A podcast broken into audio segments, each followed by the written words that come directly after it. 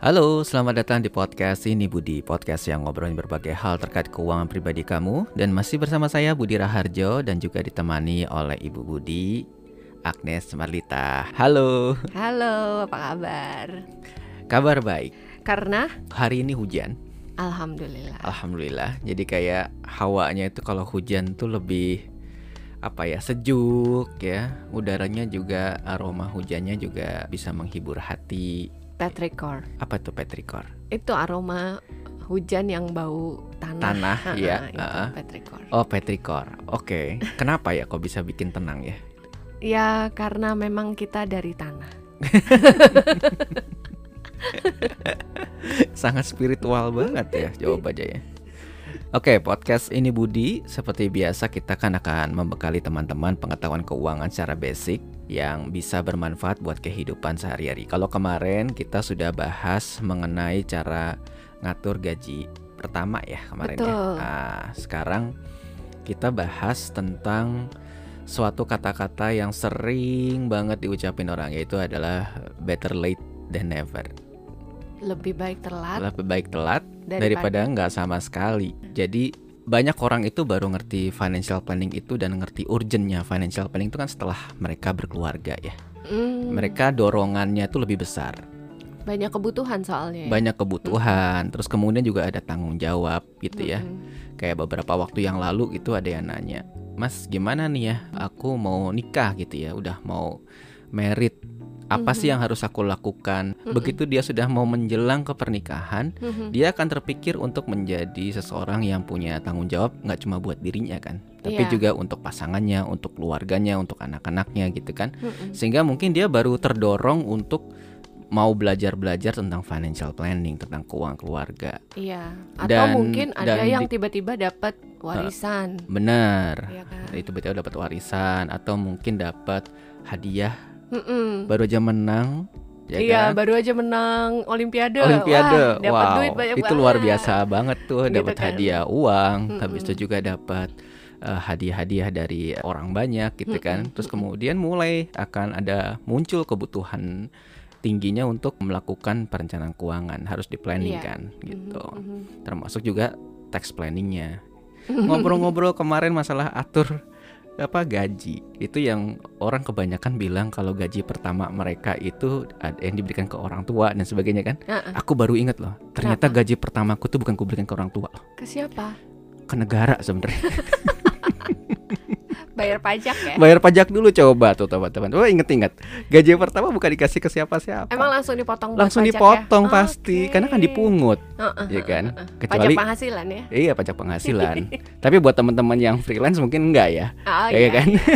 Atau yang usaha ya? Atau yang usaha mungkin enggak. Tapi kalau untuk teman-teman yang kerja Mm-mm. awalnya gitu jadi karyawan, Mm-mm. itu pasti pertama kali kerja udah langsung dihitung pajaknya. Oke. kecuali kalau penghasilannya belum kena pajak termasuk penghasilannya belum kena Oh, pajak nah itu nggak nggak akan kepotong Siap. eh kepotong buat iuran yang lain tapi Oke, jadi kalau better late than never ini, kalau tadi kamu bilang eh, ya setelah ada kebutuhannya setelah ada kebutuhannya akhirnya jadi banyak yang harus merasa di Iya. ini ya disiapin ya. Iya. dan itu alamiah kok Hmm. kita itu baru bisa merasakan urgensinya rata-rata gitu ya orang Mhm. itu adalah ketika kita udah bisa ngelihat belokannya Hmm. maksudnya kalau kita perjalanan aja ya kita Mhm. misalnya lagi jalan-jalanan lurus pasti kita kan kencang sekencang-kencangnya gitu kan Iya. begitu kita mau keluar exit tol Mm-mm. pastur misalnya gitu kan. Mm-mm, Nah, itu kan baru ngurangin kecepatan. Eh, bentar lagi udah deket lagi nih mau keluar gitu kan. Kita baru pelan-pelan. Nah, dalam keuangan juga gitu sih. Kalau kita nggak punya knowledge-nya, nggak punya pengetahuannya, biasanya kita baru kepikiran setelah dekat-dekat. Oke. Nah, jadi kayak itu tadi salah satu motivasinya sudah ada risetnya tuh. Motivasi orang perencanaan keuangan tuh pada saat kapan aja. Lucunya adalah pada saat setiap kali ulang tahun per dekade. Jadi misalnya ulang tahun ke-30, Hmm. begitu ngerasa umurnya 30, waduh, I need to plan gitu. Oke. Kok gue nggak punya aset? Iya ya? gitu kok gue belum punya aset ya. Kok tabungan gue masih segini-segini aja ya gitu. Nah itu biasanya kedorong banget tuh untuk Oke. eh, merancang. Habis itu pas ulang tahun ke-40 itu termotivasi lagi. Oh gitu ya. Menurut surveinya Ada seperti itu. surveinya dari saya begitu. Itu Hmm. sudah lama banget itu eh, Oke. data itu. Jadi aku juga lupa datanya dari mana, tapi itu ada riset itu. Dan Hmm. juga umur 50 ketika menjelang mereka Mm-mm, uh, pensiun, ya. pensiun, ya kan? Sama ketika kelahiran anggota keluarga. Hmm. Jadi kayak misalnya lahirnya anak gitu ya, Mm-mm. itu sangat termotivasi sekali orang untuk, oke, gua harus ngeplan nih, sekolah bawa mahal nih, gitu kan? Iya. Itu yang pasti akan kepikiran gitu kan? Iya. Atau momen-momen besar kayak baru aja menikah, Mm-mm. Jadi kita harus eh, nabung ya, buat biar kita bisa punya rumah ya, Mm-mm. gitu ya kita nggak nggak ini nggak itu ya, gitu ya. Nah Iya, itu iya, tuh sebagai bentuk kemandirian, Mhm. biar bisa nggak harus sama orang tua gitu ya. Iya. Meskipun nggak salah juga bareng orang tua, siapa tahu jagain orang tuanya kan juga fine fine aja. Betul betul. Nah, Apalagi kalau misalnya yang baru berkeluarga nih sekarang ya kan, kalau kita ngebayanginnya habis nikah, next stepnya punya anak dulu. Mm-mm, Rata-rata mm-mm. kan kayak gitu ya. Oke, terus kemudian punya anak. Dari mulai persiapan punya anak aja udah ada biayanya. betul. Iya udah kan? udah mulai kan ada rutin check up, itu tiap bulan. Bener, Ketika gitu. menjelang kelahiran bahkan jadi tiap minggu, dua minggu sekali, itu belanja, seminggu uh-uh, sekali. iya. Belanja-belanja persiapan bayi Persiapan juga. bayi, ya. Sampai pas bayinya lahir. Nah, dulu mungkin pas bayi lahir kita kepikirannya anak ini baru sekolah tuh lima tahun kemudian. Mm-mm. Iya kan? Betul. Jadi kita masih ada. Aku Kayak ingat banget tuh dulu gitu. gitu ya. Aku ingat banget dulu pas anak pas Ica lahir. Oh masih ada waktu untuk nyiapin eh, uang sekolah nih buat Mm-mm, dia kan mm-mm, empat tahun lah gitu karena lima tahun udah mau masuk playgroup kan gitu. mm-mm, Tapi ternyata dunia berubah. mm-mm. Satu tahun Ica udah sekolah. Ternyata waktu itu anak satu tahun aja udah sekolah. udah gitu. sekolah gitu. Jadi ya walaupun sekolahnya seminggu sekali ya. Hmm. Tapi sekolah seminggu sekali ini justru anak-anak yang sekolahnya dari usia satu tahun yang apa sih preschool, gitu Preschool. ya, yang emang kayaknya cuman main-main aja gitu. Tapi kan sekarang trennya udah berubah. Anak-anak ini bahkan udah satu tahun, satu tahun setengah tuh udah mulai masuk sekolah gitu kan. Mm-mm, Itu kan ada budgetnya Bener. dan bahkan itu jadi lebih mahal daripada budget TK beneran loh. Iya kan? Yang tadinya kita berencana baru lima tahun lagi deh, ntar dia sekolah. Sekarang bapak ibu nih ya, coba dilihat sekarang ini kalau kalian punya rencana untuk anak sekolah, nggak bisa lagi kita menutup mata ada kemungkinan dia akan lebih cepat sekolahnya Mm-mm, gitu ya. entah dua tahun atau tiga tahun. Karena sekarang jadi banyak kesempatan anak-anak ini lebih cepat ngerasain eh, sosial ini ya eh, social skillnya dia ketemu teman-teman gitu dia ke sekolah dia belajar gitu kalau sekarang mungkin masih online tapi tetap ada budgetnya tetap. Sekarang mungkin budgetnya juga gadget ya. iya Karena tambah kan gadget Tambah gadget, Dan internet, ini- ruangan khusus buat Bener. mereka belajar. Kalau dia sama kakak-kakaknya kalau ya dulu kan kalau offline semua alat peraga kan udah ada di di sekolah, sekolah. bener. Nah, sekarang kesulitannya pada saat anak-anak ini yang preschool preschool ini harus online, Mm-mm. alat peraganya tuh dikirim ke rumah. Dikirim ke rumah. Baik itu buku maupun mainan-mainan yang mereka harus coba ya, chatnya yang kayak finger paintingnya segala macam, Iya, alat iya, musik iya. kayak gitu Dan gitu nggak kan. mungkin dia main sendiri kan ya. Iya. Orang tuanya harus nemenin kan berarti. Jadi ya ini ini yang terjadi di kota besar ya. Hmm. Jadi kayaknya mostly seperti itu. Iya iya iya betul juga tuh. Nah padahal kan sebenarnya kan hal-hal kayak gitu tuh kita bisa harusnya bisa lebih prediktif ya, bisa meng- Hmm. memperkirakan tuh nanti Mm-mm. eh, biaya-biaya apa yang bakalan keluar dalam jangka menengah, jangka panjang gitu ya. Oke. Mungkin kita kepikiran cuman oke tahun depan nih Mau atau mau, nikah. mau nikah. Oh Mm-mm. Tiga tahun lagi nih setelah anakku sekol apa lahir terus kemudian dia akan masuk sekolah nih gitu Iya, kan iya, ya. iya. Ya Mm-mm. itu itu sebenarnya kita udah bisa memprediksikan pengeluaran-pengeluaran itu gitu. Makanya kita eh, Mm-mm. apa namanya kemudian belajar lah ya, cari-cari literatur, Iya, oh, harus disiapin lah. betul. Bersyukur loh yang udah nyiapin dari sejak anaknya lahir. Bener banget itu. Iya. Itu itu memang dari jauh-jauh hari mereka sudah nyiapin dari sejak anaknya lahir terus kemudian entah apa pun yang dia lakukan ya, entah Mm-mm. bikin rekening khusus Mm-mm. yang ditabungin secara rutin gitu ya. Atau ada yang mungkin ngambil asuransi pendidikan lah Mhm. atau ada yang ngambil investasi apa gitu ya gitu Iya. ya. itu apa pun yang dilakukan meskipun Hmm. jumlahnya sedikit itu very helpful waktu pas ketika anaknya itu akan beneran masuk sekolah ya. beneran akan dia masuk sekolah itu akan sangat bantu banget Nah, oke, berarti kalau misalnya kejadiannya adalah telat nih, ya Mm-mm. kan? Kita kan ngomongin better late than never. Nah, walaupun mungkin eh, dia udah tahu nih, iyalah habis nikah kan harus mikirin ntar ada kebutuhan anak lahir, Mm-mm. habis itu siapin juga buat dia sekolah gitu. Mm-mm. Tapi keadaannya nih ya, Mm-mm, namanya mm-mm. juga pasangan muda, ya Mm-mm, kan, mm-mm. masih banyak struggle-nya gitu. Betul. Jadi mungkin agak mepet-mepet nyiapinnya gimana? Ya nggak apa-apa juga. Hmm, Bisa jadi juga bahkan ya kayak dulu aku baru ngerti nih financial planning kan juga umur 30-an gitu kan. Mhm. Baru baru ngerti itu financial planning. Mm-mm. Ya nggak apa-apa juga. Jadi ya itu tadi better late than never. mm-mm. Jadi kesannya ah kayaknya tuh kalau disiapinnya tuh nanti Jauh-jauh hari. jauh-jauh hari memang itu adalah kondisi idealnya kan. Iya, Tapi kalau misalnya oke nih sekarang saatnya saya melakukan perubahan, saatnya saya pingin bener-benerin kondisinya, saat saya pingin nyusun-nyusun nata-nata lagi, nggak apa-apa juga. Hmm. Meskipun kelihatannya apa yang udah berlalu kita masih bawa sekarang, ada yang harus diberes-beresin lah. Istilah nggak mulai dari titik nol kan beda ya. Kalau misalnya orang baru awal karir, dia itu bisa memulai segalanya dari nol. Tapi kalau sudah mulai jalan, udah punya pola pengeluaran, gaya hidupnya udah kebentuk, Mm-mm. bahkan ada hal-hal yang sifatnya udah jadi kayak komitmen gitu kan Mm. sekolahnya udah anaknya di level yang sekolah ini ya kan terus kemudian juga udah gaya hidupnya udah terlalu tinggi misalnya Iya. terus kemudian tiba-tiba setelah menyadari Hmm. oh ada perhitungannya ya oh ada financial planningnya ya Mm-mm. oh ternyata saya harus nabung sekian lah sekarang ternyata kemampuan saya baru 10% dari yang Mm-mm. seharusnya gitu Mm-mm. ya nggak apa-apa juga itu Hmm. tadi yang better late than never kan kita masih bisa memperbaiki dalam jangka panjang Oke. gitu kan kita ke depan itu masih bisa kita perbaiki Mm-mm. yang sudah berlalu ya udah gak apa-apa Hmm. berlalu sekarang mau belajar kita belajar dari awal lagi baru Hmm. belajar investasi ada orang baru eh menurutku CFP itu ada yang pernah umur 60 tahun loh baru belajar sifat financial planner Oke. nah itu pun juga Tujuannya dia belajar di usia segitu untuk apa? ya memang dia suka belajar ya Hmm, dia, suka pengen tahu belajar ya. dan dulu Hmm. kan memang nggak ada ilmu Mm-mm. financial planning tuh nggak ada itu udah Oke. udah sekian Hmm. tahun yang lalu gitu dia ikut kelas kita gitu dan waktu pas kita tanya ya semangatnya memang luar biasa untuk belajar Hmm, mm-mm. gitu dan bisa tuh bisa lulus ujian CFP juga gitu kan jadi Oke. emang amazing gitu ke- keinginan mereka belajar dan memang dia kerjanya juga di industri keuangan ya jadi, Jadi kaitannya kalau untuk ini nggak cuman masalah nyiapin-nyiapin duitnya, tapi juga untuk belajar tentang keuangannya juga nggak apa-apa telat gitu ya. nggak apa-apa nggak Mm-mm. apa-apa gitu Mm-mm. kita tuh paling nggak kan harus tahu dulu kan soalnya pengetahuannya ya knowledge-nya dulu Mm-mm.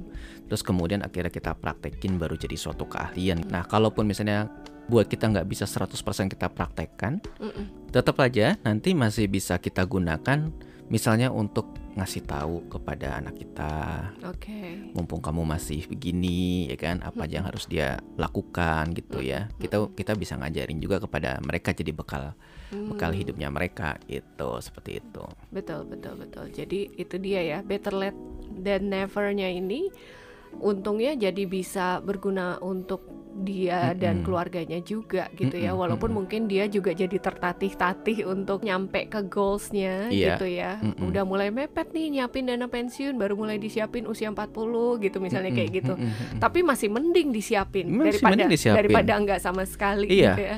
Ada orang yang baru mempersiapkan uang pensiunnya ntar lima tahun menjelang pensiun Nah, kalau Kolonel Sanders gimana? nah Dia kan dia baru- lagi dia baru laku tuh KFC-nya di Iya. umur 65 tahun. 65 Padahal dia tahun. udah pensiun. dan dia baru mulai bisnis kan istilahnya gitu iya, ya baru mulai bisnis. coba tuh bayangin tuh dan dia harus coba terus biar bisa laku Improve, bisa im- gitu. Tapi akhirnya dia punya legacy. akhirnya dia punya legacy ternyata bisnisnya bisa jalan terus sampai sekarang kita bisa menikmati Mm-mm. juga gitu itu kan berarti kan nggak ada istilahnya terlambat ya Iya, benar juga. gitu Oke. dan artinya juga setiap orang ternyata punya jalannya masing-masing timingnya sendiri-sendiri timingnya sendiri-sendiri Mm-mm. jadi kalau kalian sekarang kondisi keuangannya mungkin nggak kok orang lain gitu kan kadang suka mungkin membandingkan Mm-mm, gitu kan ya kok orang lain begini kok orang lain begitu Mm-mm. kok temenku udah sampai level segini kok aku belum gitu-gitu nah sebenarnya orang tuh punya timingnya sendiri-sendiri Oke. yang penting kita nggak berhenti untuk Hmm. nyoba terus kita Mm-mm. nyoba untuk berusaha terus gitu kan Iya. kita nggak berhenti untuk memperbaiki diri terus lagi benerin keuangan tiba-tiba pandemi ya kan lagi benerin keuangan, lagi ini ini itu tiba-tiba ada pengeluaran gede gitu kan. Ya udah jalan aja terus gitu. Yang penting melangkah terus gitu aja Hmm, gitu. Yang penting nggak berhenti, Nggak berhenti. dan tetap upgrade skill Mm-mm, juga ya, mm-mm. upgrade knowledge juga. Dan memang kita tuh bisa aja late untuk banyak hal. Tadi misalnya terlambat untuk nyiapin dana pendidikan anak. Bisa juga telat juga udah mempersiapkan pendidikan anak ini udah disiapin. Eh lupa, ternyata belum siapin buat pensiun. Iya iya. Udah nyiapin untuk pensiun dan nyiapin buat anak tapi lupa belum belajar ilmunya jadi nggak tahu berapa jumlah persisnya yang harus disiapin. Nggak Oke. tahu ilmunya juga eh kok sekarang saya baru ngerti tentang investasi. Hmm. Karena orang rame-rame bicara investasi. Karena sekarang informasinya mengenai investasi itu juga banyak ya. Semua orang bicara banyak yang gratis gitu ya. Teman-teman bisa join kelasnya gitu. Nah itu tuh amazing ya kan. Mungkin baru sekarang lah gitu. Masyarakat betul-betul banyak tahu tentang strategi-strategi itu. Iya. Dan Atau ada misalnya yang- kayak asuransi gitu ya, Asuransi. Nah itu kalau itu agak susah. nggak boleh telat. itu nggak bisa telat. Oke. Kenapa? Karena di asuransi itu kalau orang tuh ngerasa punya kebutuhannya, biasanya adalah di saat dia udah bisa ngelihat tikungan kan, bahwa ini bahaya gitu kan. Oke. Kemungkinannya adalah contoh misalnya, karena dia sekarang baru menyadari bahwa dengan adanya pandemi ini, Mhm. resiko keuangan tuh mengalami peningkatan. Benar.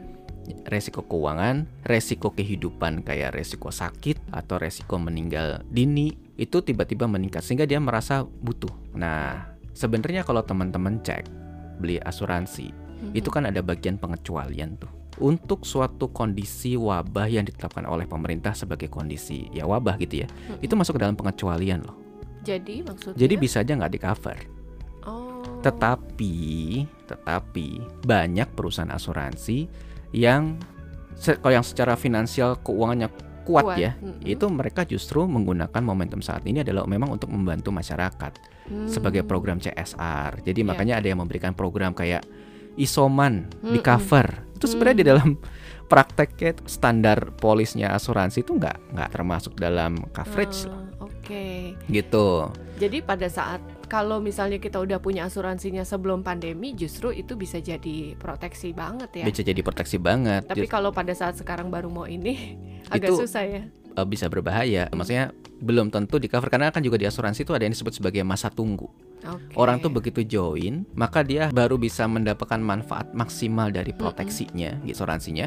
Ketika dia sudah mengikuti atau sudah melampaui masa tunggu itu, masa tunggu itu nggak Oh. boleh sakit, nggak boleh meninggal. Nah, hal-hal itu udah standar suatu polis asuransi. Berarti kalau misalnya sekarang hal-hal yang nggak boleh terlambat, berarti harusnya udah mulai jadi prioritas pada saat orang udah mulai punya penghasilan dong ya. Benar, Hmm, saat oke. udah mulai punya penghasilan. Jadi kalau tadi kayak investasi Mm-mm. itu masih bisa, yang penting kita nabung gitu kan ya, Mm-mm, dan lain sebagainya. mm-mm. Tapi bener tadi soal masalah proteksi Oke. itu nggak bisa. Nggak bisa. Dan telat. apalagi dia ada prinsip ah, namanya anti seleksi di asuransi itu. Maksudnya? Prinsip anti seleksi itu gini. Jadi orang yang sudah merasa sangat butuh, kan biasanya orang saat bu- eh, merasa sangat butuh itu kan karena dia punya resiko. Misalnya dia sudah merasakan, wah kayaknya sudah mendekati ajal nih, misalnya gitu ya. Oke. Badannya sudah ada yang sakit, udah udah punya penyakit gitu kan. Di saat orang itu sudah punya penyakit, Hmm. dia mau apply asuransinya, maka perusahaan asuransi kan harus menilai resikonya. Perusahaan asuransi itu hanya mengcover resiko yang menurut dia itu ada kemungkinan terjadi, bukan yang sudah pasti akan kejadian. Kalau sudah pasti akan kejadian, ya dia sudah nggak melakukan pengelolaan resiko lagi dong. Kan itu benar-benar mindahin billing namanya Oke. mindahin billing dari dari orang yang sakit biaya rumah sakit dipindahin ke perusahaan asuransi Mm-mm. itu hanya bisa terjadi kalau kita masih ada probabilitas bisa iya bisa enggak dan Oke. orangnya pun juga dalam kondisi yang sehat jadi kalau orang yang Mm-mm. sehat tiba-tiba sakit kan berarti memang bencana ya Mhm. gitu dan efek finansialnya besar itu yang di Iya. cover oleh asuransi Mm-mm. tapi kalau udah pasti orangnya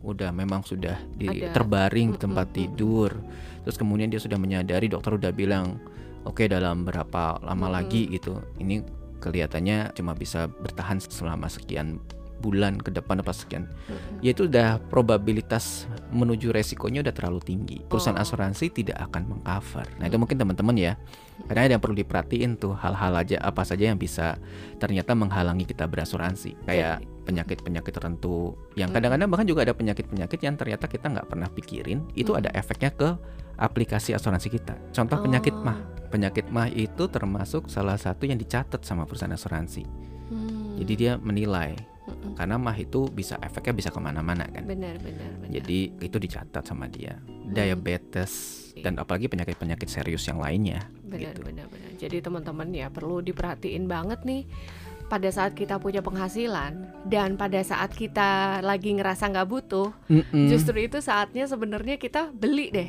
iya sih. punya deh gitu Kita ya beli payung kan nggak pas hujan, iya benar udah keburu basah ntar gitu Iya kan. iya benar benar benar benar. Jadi justru belinya pas lagi kita nggak ada resiko apa pun karena Mm-mm. itu nilainya malah nanti jadi oke ya lebih bagus ya proteksinya juga lebih oke. gitu Lebih kan ya. maksimal ya kan, nggak ada pengecualian-pengecualian gitu. Mm-mm, mm-mm. Oke. Seperti itu. Jadi ya sama juga kalau kita pas lagi pengen nyiapin investasi kita juga pas kita punya uang lebih bukan? Benar. Gitu. Pas Hmm. ada uang lebih kita bisa punya banyak pilihan uangnya mau Mm-mm. dibelanjain ke mana. Mm-mm. Nah, salah satunya yang sulit buat kita adalah memprioritaskan kelebihan uang itu ke hal-hal yang sifatnya penting dulu Iya. buat kita ya, Mm-mm. yang bikin pondasi keuangan kita kuat. Kita Mm. butuh apa aja nih? Oh, butuh dana darurat. Oh, kita butuh butuh proteksi, butuh tempat tinggal, ya kan dibandingkan dengan kebutuhan untuk gadget barunya yang paling canggih ternyata lebih butuh buat sekolah anak misalnya Iyalah. gitu. Itu kan hal-hal yang sifatnya prioritas yang harus kita dahulukan. Akan sangat enak kalau ternyata pasangan kita ternyata adalah orang yang pinter banget memotivasi kita untuk ngatur prioritas. Hmm, aku pintar. Oh, pinter banget. Oke, berarti itu tadi ya. Ada hal-hal yang better late than never. Mm-mm. Tapi ada hal-hal yang udah nggak bisa ditunda lagi karena saking pentingnya, gitu Mm-mm. ya. Iya, jadi perlu diingat itu bahwa ternyata ada hal-hal yang memang kalau kita telat nggak apa-apa, masih bisa kita perbaikin. Mhm. Tapi ada hal-hal yang nggak bisa, ya kan? Harus betul-betul kita canangkan dari sejak awal. Jadi Oke. better late than never itu tidak selalu berfungsi, Hmm, ya iya. kan? Jadi jangan dianggap ah nanti aja, ntar Hmm. besok-besok aja. Ada yang sifatnya prioritas, ada yang sifatnya benar-benar urgent yang harus kita siapin sejak awal dari sejak kita punya penghasilan. Oke. Gitu. Silahkan nanti kalau mau tanya-tanya lebih lanjut, ada apa lagi sih yang boleh better late than never gitu karena masih struggling atau saat ini atau gitu ya. kalian punya ide gitu ya apalagi sih yang ini boleh nih better late than never gitu ya Ah, ah, atau bahkan ada juga yang pengen kasih tahu oh yang ini nggak bisa nih nggak bisa late ini memang harus betul-betul udah dicanangin dari sejak awal dan aku sudah melakukannya Mm-mm. nah kalian DM deh gitu Iya, ya iya. ke Instagram atau Twitter @raharjobudi atau juga bisa juga mention Twitter lah siapa tahu jadi inspirasi juga buat teman-teman yang lainnya Iya. gitu Karena banyak orang kan juga pasti beda pendapatnya gitu. Buat dia hal-hal yang nggak boleh terlambat tuh apa misalnya gitu ya. Mm-mm. Kayak tadi kalau dana buat dana darurat, dana pensiun sih itu nggak boleh telat misalnya gitu Mm-mm, gitu ya. mm-mm, Boleh mm-mm. juga. Itu malah lebih bagus ya. Iya Uh-uh. Betul. Tapi kan kalau misalnya memang dalam satu kondisi yang tiba-tiba harus lebih struggle dulu gitu ya ya udah agak sedikit terlambat masih nggak apa-apa asal jangan yang tadi proteksi Betul. Oke, dengan demikian berarti selesai podcast kita hari ini. Ya, kita akan ketemu lagi di podcast-podcast berikutnya. Sampaikan usulan kalian. Kalau kalian punya usul topik-topik lain apa, kita bahas apakah sekarang gitu ya. Nah, nanti DM juga gitu ke @raharjobudi atau ke Twitter @raharjobudi juga. Sampai ketemu lagi di seri podcast ini Budi yang lainnya. Tetap sehat, tetap bahagia, and be smart with your money. Bye. bye bye